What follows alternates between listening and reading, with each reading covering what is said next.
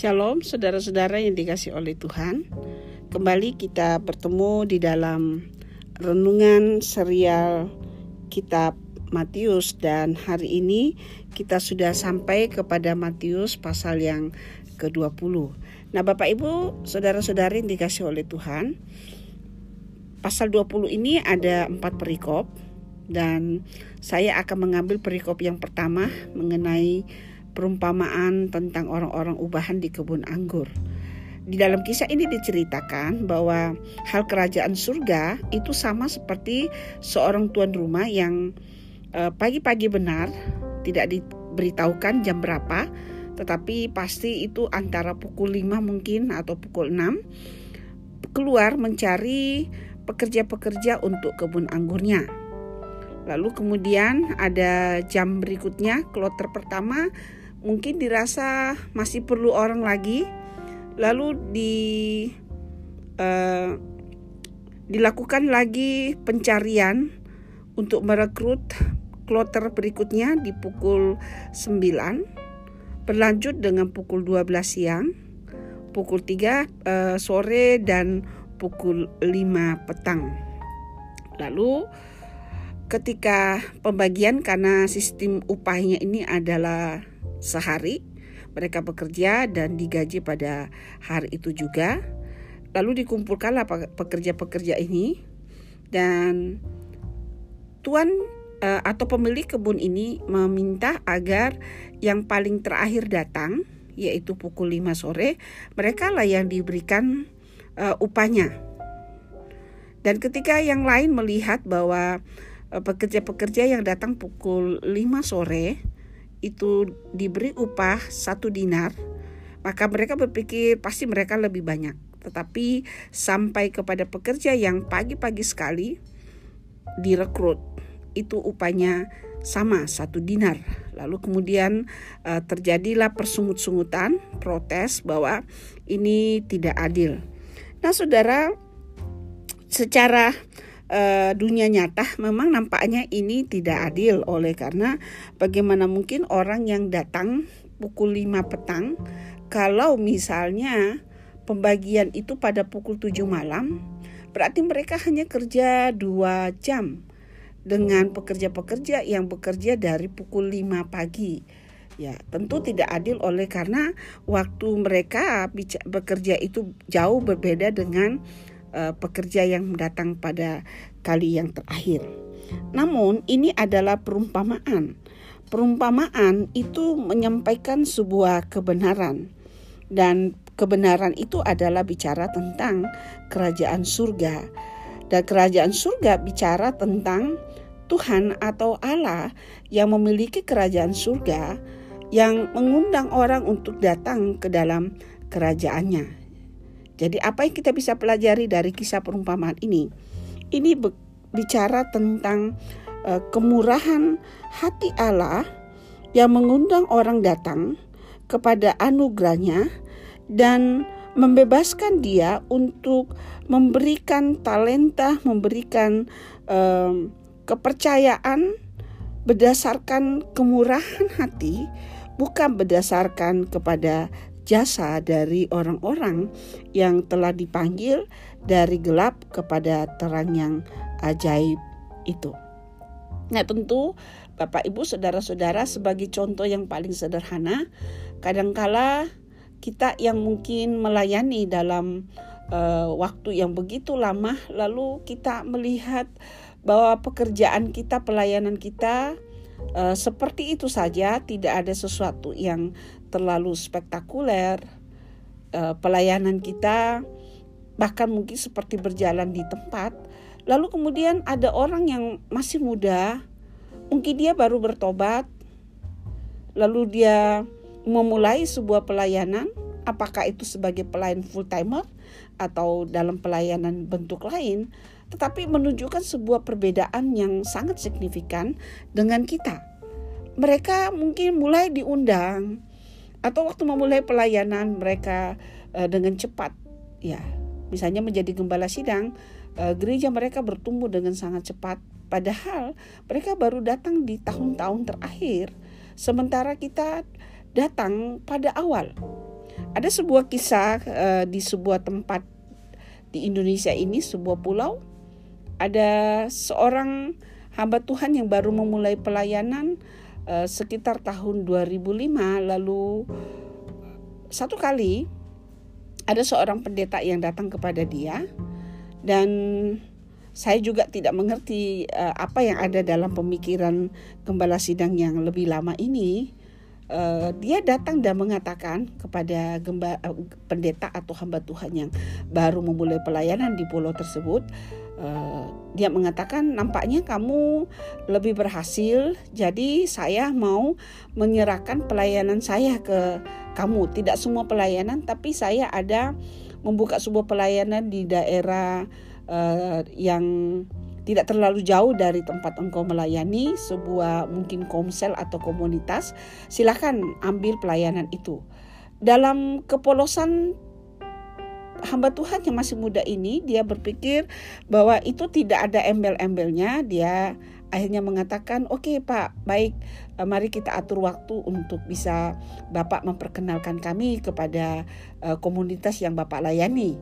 Lalu uh, pendeta ini kemudian akhirnya uh, secara to the point langsung menyatakan maksudnya sebenarnya dia tidak uh, dalam arti benar-benar mau meminta agar pendeta yang masih muda ini melayani tetapi dia mau menjual tempat pelayanan tersebut dia mengatakan uh, saya ada bangun uh, sedikit bangunan di situ bangunan yang tidak permanen tapi ya anggaplah itu gereja, belilah itu dan jemaat-jemaat yang ada di situ menjadi milikmu. Tentu pendeta yang muda ini sangat kaget dengan cara berpikir seperti itu dan uh, sangat asing. Lalu kemudian dia mengatakan uh, kalau seperti itu yang adalah pemikiran Bapak saya tidak bisa. Lalu Bapak ini kemudian mulai menunjukkan aslinya, dia marah. Lalu dia berkata, "Kamu itu siapa?" Ya kamu baru datang, kamu sudah terkenal sampai ke ujung-ujung dari pulau ini. Saya sudah puluhan tahun melayani di tempat ini. Tidak ada yang mengenal saya. Cerita ini merupakan gambaran yang sebenarnya cocok dengan kisah di perumpamaan yang Yesus ceritakan mengenai protes dari orang-orang yang bekerja dari pagi dan melihat orang yang datang bekerja di akhir ya pukul 5 sore diberi upah yang sama dengan mereka yang terlebih dahulu. Nah, sebenarnya apa yang uh, Yesus mau sampaikan melalui uh, cerita ini? Dia mau menegur kepada perilaku atau sikap hati yang salah memahami mengenai kerajaan Allah. Kerajaan Allah bukan bicara tentang jasa, tentang seberapa lama kita, tentang seberapa banyak yang kita lakukan, tetapi kerajaan Allah bicara tentang tempat orang-orang menerima anugerah Allah dan be dan bekerja bergerak di dalam anugerah Allah dan anugerah Allah jugalah yang akan membebaskan Allah memberikan upah. Nah, tentu kita masih tidak bisa menerima hal ini. Ini benar-benar uh, tidak adil. Tetapi saudara, ini realita dan ini fakta bahwa Allah bebas memakai orang-orang di dalam kerajaan Allah. Ada orang yang baru bertobat mungkin dipakai dengan cara yang luar biasa atau ada orang yang baru memulai pelayanan mereka berkembang dengan sangat pesat sementara ada orang yang melayani di tempat-tempat yang sukar bertahun-tahun mereka melayani dan tidak ada hasil atau sangat sedikit hasilnya Apakah mereka berarti bukan orang yang diperkenan Tuhan? Tidak. Dalam konteks bahwa kita adalah orang-orang yang menerima anugerah Allah, kita sama. Tidak ada yang membedakan antara orang yang baru bertobat dengan orang yang sudah lama bertobat, orang yang sudah lama melayani dengan orang yang baru memulai pelayanan. Pemikiran yang menjaga kita untuk tidak menjadi berpikir secara salah adalah menaruh pikiran kerajaan Allah, melihat bahwa kita sedang bersama-sama membangun kerajaan Allah, bukan kerajaan kita sendiri. sehingga ketika orang lain memperoleh dalam uh, pemandangan yang kasat mata lebih baik daripada kita, itu tidak berarti bahwa uh, kita tidak dipakai atau kita kurang berharga. Ya, Allah memberikan karunia kepada mereka yang berbeda dengan kita di dalam anugerahnya. Wycliffe ya memberikan komentar begini. Pernyataan yang diulang dari Matius pasal 19 ayat yang ke-30 yang berbunyi demikian, tetapi banyak orang yang terdahulu akan menjadi yang terakhir dan yang terakhir akan yang menjadi yang terdahulu lalu diulangin lagi kembali di dalam uh, ayat 16 ini menunjukkan bahwa perumpamaan ini merupakan kesinambungan dari pengajaran sebelumnya kepada 12 murid Yesus di dalam pasal 19 ayat 27 sampai 30. Ada apa di situ di ayat yang ke uh, uh, 27 sampai ayat yang ke 30? Di situ ada pertanyaan dari para murid dan mengatakan uh, kami sudah meninggalkan segala sesuatu. Sekarang apa yang kami peroleh dengan meninggalkan itu dan mengikut engkau. Lalu Yesus mengatakan bahwa pada waktu penciptaan kembali, waktu anak manusia datang dalam kemuliaannya, kamu akan duduk di atas tahta uh, di atas uh, eh, 12 tahta untuk menghakimi kedua belas suku Israel. Dan setiap orang karena namaku meninggalkan rumahnya, saudaranya laki-laki atau saudaranya perempuan, bapak atau ibunya, atau anak-anak atau ladangnya akan menerima kembali seratus kali lipat dan akan memperoleh hidup yang kekal. Nah, kemudian Yesus memberi awasan pada pasal yang ke-30 Hati-hati bahwa itu bukan jaminan. Banyak orang yang terdahulu akan menjadi yang terakhir dan yang terakhir akan menjadi yang terdahulu. Di bagian yang pasal 20 di ayat 16 ini diulangi lagi. Nah, kemudian Wycliffe mengatakan bahwa perumpamaan ini mengajarkan bahwa melayani Kristus pasti akan memperoleh pahala dan bahwa kesetiaan dalam memanfaatkan kesempatan juga akan memperoleh pahalanya. Sekalipun demikian, hanya Allah yang dapat menghitung dengan tepat kesetiaan dan penggunaan kesempatan tersebut. Dengan kata lain, Bapak Ibu, bahwa jangan mengukur upahmu dengan apa yang kelihatan sekarang.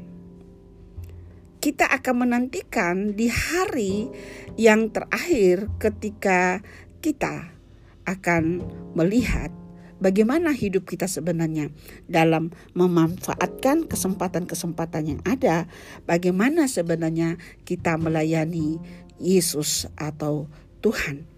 Dan penilaian itu tidak mungkin salah karena penilaian itu dilakukan oleh Allah di dalam kemurahannya. Jadi Bapak Ibu Saudara-saudara, sekalipun saat ini kita mungkin melihat orang-orang yang melayani di sekeliling kita nampaknya jauh lebih berhasil dari kita. Jangan melihat itu, tetapi lihatlah kepada akhirnya. Lalu kemudian segala sesuatu yang kita lakukan harus diukur di dalam kemurahan Sang Bapa yang pergi mencari kita, memanggil kita, mengundang kita masuk di dalam kerajaannya. Jadi dengan demikian kiranya eh, ada hal yang kita perlu tekankan atau ingatkan kepada diri kita sendiri. Ya, yang pertama adalah bahwa jangan kita merasa lebih unggul karena memiliki kedudukan atau tugas yang menguntungkan di dalam pelayanan atau mungkin karena kita lebih senior dan sebagainya. Jangan lupa untuk turut merasakan kepedulian Allah yang menawarkan kasih karunia kepada sekalian orang. Jadi beri kesempatan kepada orang-orang muda, orang-orang yang baru bertobat untuk melayani. Jangan kita menjadi batu sandungan. Beri kesempatan orang-orang untuk mengembangkan karunia. Bahkan sekalipun karunianya lebih besar, lebih banyak, lebih mulia mungkin dari yang kita miliki dalam pandangan kita. Dan yang terakhir, janganlah iri hati terhadap berkat rohani yang diterima orang lain. Ada lagu himne yang sangat um, bagus sekali lagu yang lama yang mengatakan hitunglah berkatmu satu-satu. Kalau kita menghitung berkat kita dalam ukuran kita, maka kita tidak akan pernah menjadi orang yang uh, suka berkeluh kesah atau memprotes lalu kemudian melemahkan kita dan membuat kita mungkin akhirnya berhenti atau ogah-ogahan di dalam melayani. Tetapi kita ketika kita menghitung berkat kita dalam ukuran kita sendiri, maka kita akan mencukupkan dengan berkat tersebut. Kiranya Tuhan menolong Bapak Ibu saudara-saudara baik sebagai full timer ataupun uh, saudara-saudara yang sedang uh, melayani Tuhan di dalam sebuah semangat uh, ingin memberikan yang terbaik kepada Tuhan. Janganlah kiranya kerajinanmu kendor dan arahkanlah dirimu kepada upah yang menantikan kita upah yang didasarkan kepada kemurahan Sang Bapa. Tuhan memberkati. Amin.